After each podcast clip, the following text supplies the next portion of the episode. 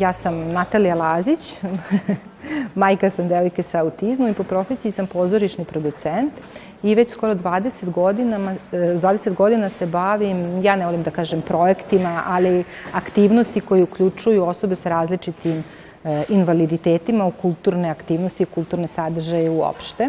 Da li se radi o plesu, da li se radi o slikarstvu, da li se radi o glumi. Um, osnivanje ovog folklornog ansambla, slobodno mogu da kažem da je to pravi ansambl, zato što mi nismo radionica koja je pridružena kulturno-umetničkom društvu Luče, zapravo mi smo ansambl osoba sa invaliditetom pod okrinjem kulturno-umetničkog društva Luče. E, ideja je nastala nekako potpuno spontano. E, neki od članovima već pomenutog kulturno-umetničkog društva su e, bili akteri u našim prethodnim projektima, kao što su recimo inkluzivni muzikl Čarobno putovanje, koji je 2013. godine dobio godišnju nagradu grada Beograda u oblasti stvaralaštva umetnosti mladih zatim kabare Svi smo isti, muzički vremeplov i tako dalje, da ne nabraja. Dakle, to su mladi divni ljudi koji su radeći sa nama, učestvujući kao podrška osobama sa različitim vrstama invaliditeta, stekli jedan visok stepen tolerancije i empatije upravo prema ovoj populaciji koja već svi znamo dosta marginalizovana u našem društvu. Tako da ja kad sam došla na ideju i izložila svoju ideju da bi bilo lepo da napravimo ovako nešto, to je bilo sa strane kulturnog društva apsolutno prihvaćeno. Istini za volju, ja nisam to zamišljala da će biti baš pravi ansambl. Nekako sam to doživljavala kao neku radionicu koja će eto početi, pokušat ćemo da radimo, međutim ne. E, zahvaljujući, eto, kažem, njihovom razumevanju, njihovoj podršci, empatiji koju su godinama već izgradili, ovaj, smo mi postali deo kulturno-umetničkog društva Luče. E, ovaj ansambl za sada čini 15 osoba sa različitim vrstama invaliditeta. Radi se, naj, e, zapravo to su osobe sa intelektualnim poteškoćama u razvoju, koje se subotom negde između 18 i 20 časova najpre druže Dakle, e, ovo je višestruki benefit za ovu populaciju iz više razloga. E, svi mi znamo da oni idu ili u dnevne boravke, neki idu u škole, neki od njih rade, ali postavlja se problem njihovog slobodnog vremena. Šta zapravo oni rade u slobodno vreme? vršnjaci ih ne zovu na rođendane, ne izlaze sa njima, ne druže se sa njima. Dakle, to vreme provedeno u školi je, ajde da kažemo, inkluzija ili već ja taj, da kažem, nekako izrazni ne volim da upotrebljavam, ali šta oni, kako na koji način provode slobodno vreme. E, to je zapravo, ovo je, kako bih rekla, jedan servis podrške kako oni kvalitetno mogu provesti slobodno vreme, dakle, družeći se, Oni, to je jedna vrsta socijalizacije, oni se međusobno upoznaju, kroz rad nešto i nauče. Naravno, nisu oni svi, da kažemo, fantastični igrači, ali bez obzira na to, oni su jako zadovoljni što su članovi ovaj, ovog ansambla. To je u stvari i najveći benefit, njihovo zadovoljstvo. Ovaj, jer ja gledam iz svoje perspektive. Ja sam, kažem, majka devojke sa autizmom koja je članica ovog ansambla. Njeno zadovoljstvo zapravo ona prenosi na čitavu porodicu. Koliko je ona zadovoljna, zadovoljni smo i mi svi. Ane volim,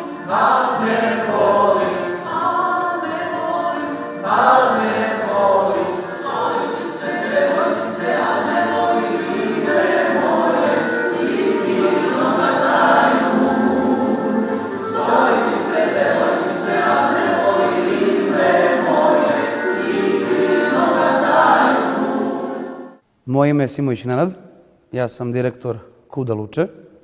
Kud je nastalo u septembru 2021. godine kao ideja nas četvorice da posle neke pauze opet krenemo, krenemo sa igrom. Tako da prva proba je bila u septembru, do sada već brojimo 75 članova. Uh, Natalija se pojavila sa, sa idejom da osnovimo ansambl u kome su osobe sa invaliditetom, tako da smo i u, i u to ušli. Za sada napreduje dobro, mladi smo, novi smo u tome, imamo još da učimo. Mislim da je najbitnije što, što imamo želju da, da nešto uradimo, da, da nešto promenimo, da, da pružimo nešto novo. Moram da se pohvalim da smo prvi kud u Srbiji koji u sklopu svojih ansambala ima i ansambl tog tipa. Tako da trenutno imamo probe jednom nedeljno. Spremamo se za godišnji koncert 25. juna koji će se održati u Centru za kulturu Lada Divljan u svečanoj sali. Na koncertu će biti izvođački prvi ansambl Kuda Luče, takođe i ansambl osoba sa invaliditetom. Oni će imati svoje dve tačke, trebalo bi da imamo dve tačke da nastupamo mešovito i ostatak će odigrati izvođački ansambl. Tako da to je nešto novo kako i za nas, tako i za njih.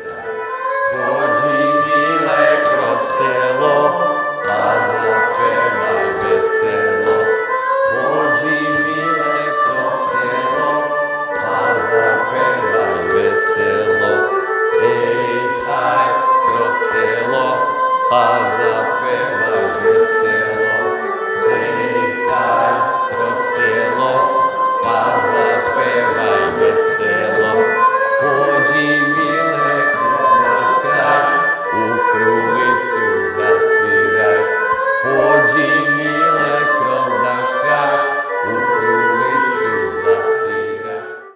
Osobe sa invaliditetom, bez obzira o kom se invaliditetu radi, je jako važno da imaju neke aktivnosti. Da li su to umetničke aktivnosti, sportske aktivnosti, nije toliko važno. Važno je da imaju aktivnosti.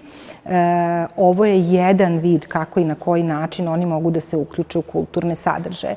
Već sam pomenula da sam ja dugi niz godina radila i radim i dalje na projektima, odnosno aktivnostima koje se tiču uključivanja osoba sa invaliditetom u kulturne sadržaje i tokom tog svog, da kažem, evo skoro 20 godina iskustva sam zaključila da je zapravo to nešto što je neophodno i da je to nešto što nedostaje. Što se tiče mlađe populacije i dece, recimo uzrasta negde osnovnoškolskog, tu postoje razne radionice, razne, da kažem, druge vrste aktivnosti i načina kako i na koji na, na njihovog da, zadovoljenja njihovih kulturnih potreba. Čini mi se da ova populacija osoba sa invaliditetom mladih ljudi je zapravo u tom smislu najugroženija. E, tako da ovakve aktivnosti, ne samo, da kažem, kulturno-umetničko društvo, ne samo ova folklorna, ne samo ovaj folklorni ansambl, nego bilo kakva druga slična aktivnost su neophodni za njihovu dalju socijalizaciju, za njihov napredak, za njihovo osamostaljivanje kasnije u daljem njihovom samostalnom životu i njihovo lično osnaživanje. Dakle, oni jako dobijaju na svom samopouzdanju. Ja sam imala prilike da radim sa jednim slepim momkom koji je, kad je pre par godina, kada je počela prva proba na našem projektu, to je bio kabaret Svi smo isti, Um, on je meni rekao, molim vas, ako dođe bilo kakva ekipa, snimanje, sklonite me. I mi smo poštovali njegovu želju i naravno da smo uvek rekli, Ivane, sad su došli, dobro, ja ću da izađem i tako dalje. Desila se premijera u malom pozorištu Duško Radović, došla je ekipa RTS-a i on je meni prišao, ja sam mislila da sad hoće samo da me podsjeti na to, on je meni rekao, molim vas, ako ima prilike, ja bih nešto da govorim za RTS. To je meni bilo fascinantno. Znači, za 3-4 meseca koliko se on zapravo osnažio i koliko je dobio želju da on, koji se krije od kamera, on je sada dobio želju da izađe pred kamere i javno kaže koliko je njemu značilo čitavo učešće u tom projektu i to što je on, eto, za tih 3-4 meseca dobio radeći ovaj, na pripremanju te predstave.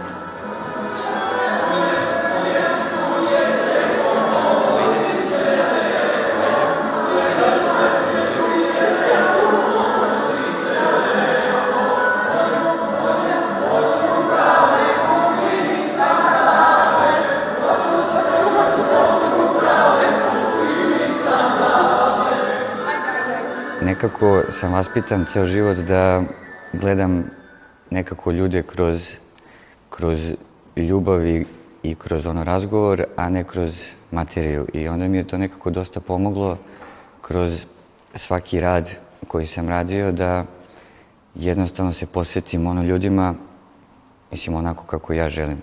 A to je onako iskreno i onako mislim emotivno kako sam i ja. E, susrete sam imao i ranije isto i želao sam da pomažem jednostavno ono ljudima i, i, da, i da dajem sebe jer mislim da sam i tu najbolji i da tu najviše mogu da dam. I počelo je to sve pa pre nekoliko godina kada sam upoznao dečka jednog koji je tako sasvim slučajno ušao u moj život i onda smo krenuli da se družimo Ja sam njega zvao na svoje probe, ja sam njega zvao i na svoj posao, zvao sam ga i, i, i na ručak kod mene i onda smo nekako krenuli da se družimo i nekako sam tu shvatio da je to u stvari ono što, što meni fali kod ljudi koji su totalno pa zaboravili na to nešto što je, mislim, iskreno i ono što je pravo. I onda sam dalje krenuo da se malo, mislim, raspitujem oko toga šta se dešava. I prošle godine smo krenuli da se bavimo time i, i evo sad ta grupa traje već nekoliko meseci. I interesantno je što neke stvari ono dobijaš jako, jer bukvalno ako možeš da ono prepoznaš, bit ćeš bogatiji za, za taj dan. Jer jednostavno mislim da i kad dođem kući pa malo motam film šta sam sve radio, šta smo pričali, pa kad dođem sledeći put mislim da to je bilo samo u moje glavi i da to nije baš tako, međutim oni znaju mnogo više nego što sam ja tad saznao. Tako da mi je taj ono susret bio jako ono, interesantan. Eto, mislim, u, mislim ukratko, ali, ali šta ja znam, svaki put e, daj, daju se mnogo što, što mi je jako, jako dobro i prava je redkost da se to dešava. Jako mi je drago što sam sa njima. Jako mi je drago što delim sa njima bukvalno sve. E, čak da imam više vremena, mislim, svaki dan se nekako bavim time, ali, ali da imam više vremena, bio bi sa njima svaki dan. I ceo dan.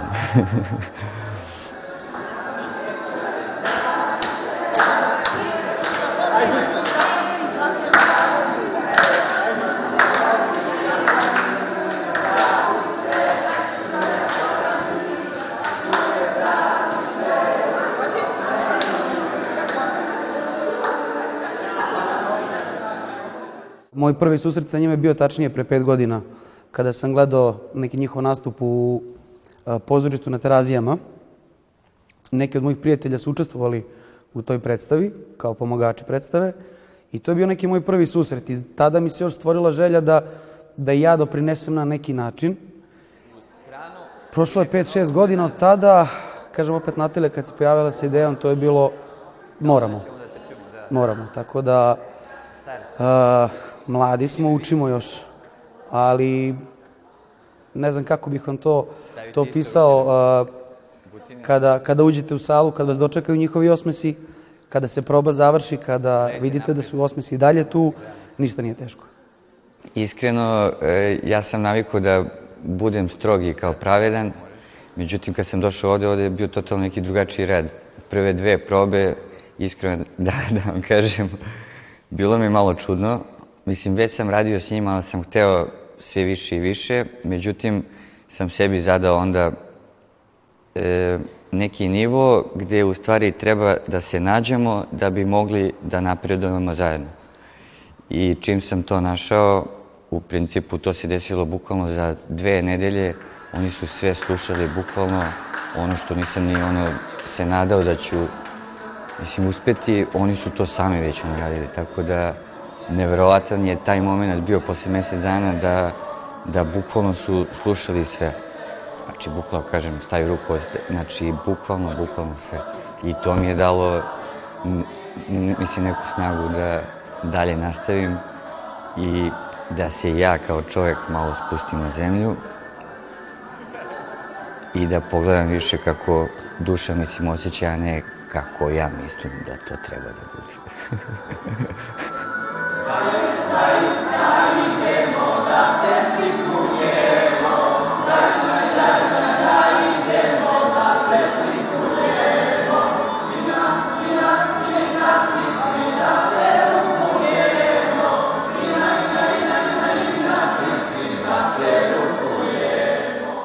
ono što me je promenilo u, u, u kontaktu sa njima je to da oni prvi zaista susret blizak sa njima sam, sam lično bio, bio sam ukočen, nisam znao kakav pristup imati. Međutim, nakon jednog provedenog dana sa njima, mislim, totalno se zanemaruje to što su one osobe sa invaliditetom. Tako da, prosto uživanje, pričamo o svemu igramo, skačemo, pevamo, tako da nema neke razlike. Ja sam samo naučio nešto novo, učim i dalje, učim i dalje i, i nadam se da ćemo, da ćemo porasti svi zajedno. Nadam se da dajemo primer da, da i ostali krenu našim stopama. Da, da u sklopu svakog udruženja postoji ovakva sekcija. U sklopu svakog sportskog kluba da postoji ovakva sekcija. 1, 2, 3, 4, 5, 6, 7, 8, drugi, 2, 3, 4, 5, 6, 7, 8, dobro? Ljubav čista kao suza, jer i mi dolazimo iz svih svojih sfera nekako i kada se nađemo ovde, nekako to sve nestaje i mislim okrenemo se samo prema njima i oni prema nama i to je jednostavno to, to što ne može nigde da se dobije, niti može da se plati sa tim nekim novcem koji, koji ono, ljudi jednostavno jure. Ja, ja, ja ne znam šta se dešava, prosto ne mogu da se načudim koliko je to sve, mislim, uzelo maha, a koliko u stvari ovde može, eto, da se dobije više. Makar sam ja takav, ja iz svog, mislim, da pričam, pa, eto, mogu to da kažem.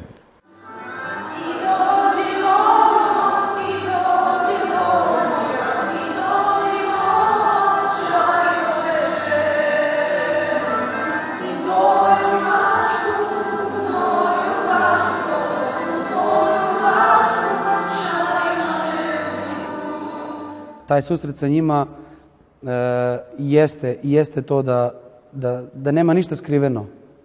Sve, sve emocije su skroz, skroz otvorene, svi su prilazili. E, možda neke stvari koje smo mi učeni da, da kažemo da se ne rade, da nije pristojno, e, njih ako interesuje kakva vam je kosa, oni će prići i, i, i pitali su me zašto ti kosa tako kovrđe, onda su krenuli rukama da prolaze kroz moju kosu. Prvi put mi je bilo to čudno, ali kasnije neki, neki, utisak koji je, koji je ostao nakon toga je, mislim, jedna, jedan lep osjećaj, jedna lepa, jedna jaka emocija.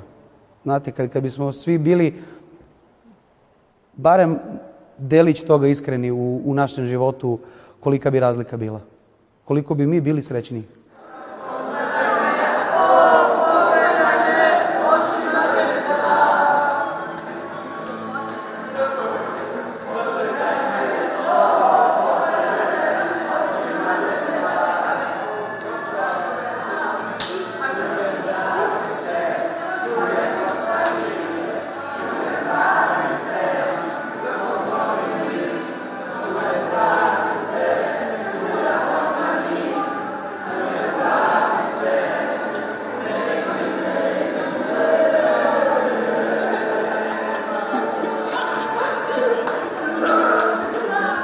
Mediji su dosta sada otvoreniji za razliku od prethodnih godina. Sećam se kad smo radili e, čarobno putovanje, to je negde 2010. 11. 12. 13. je izašla premijera.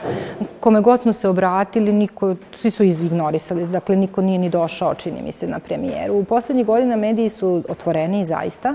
To je jako značajno, ali mislim ne u dovoljnoj meri. Mislim da bi toga moglo biti još više. I ne, ne samo da budu, ne znam, emisije, jako su značajne emisije koje se bave samo ovom problematikom, ali ako već govorimo o toj famoznoj inkluziji, zašto ne bi bio prilog o ovome u kulturnom dnevniku ili već u nekoj drugoj emisiji koja se bavi kulturom, ne samo, da kažemo, u emisijama koje se, eto, bave problematikom osoba sa invaliditetom. U svakom slučaju podrška medija je jako značajna, e, bolja je nego, veća je nego prethodnih godina, osobe sa invaliditetom invaliditetom postaju vidljivije u svakom smislu.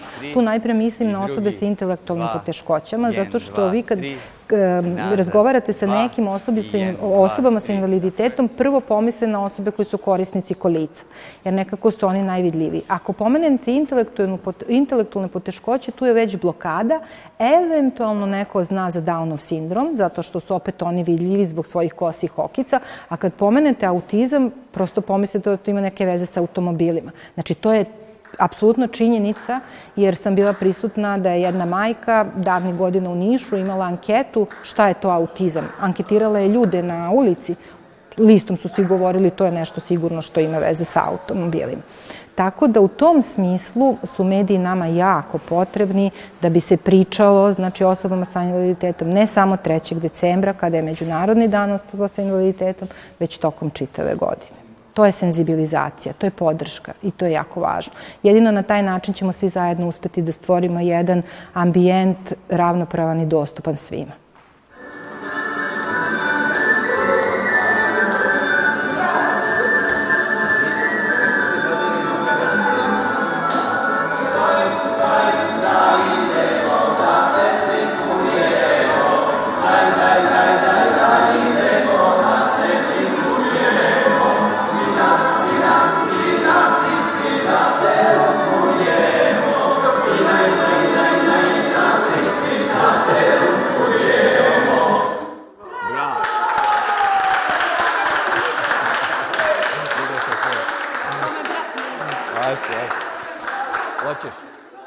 Već ono nekoliko decenija svet ide u nekom smeru u kom i nije baš, mislim, nismo se nadali da će biti tako.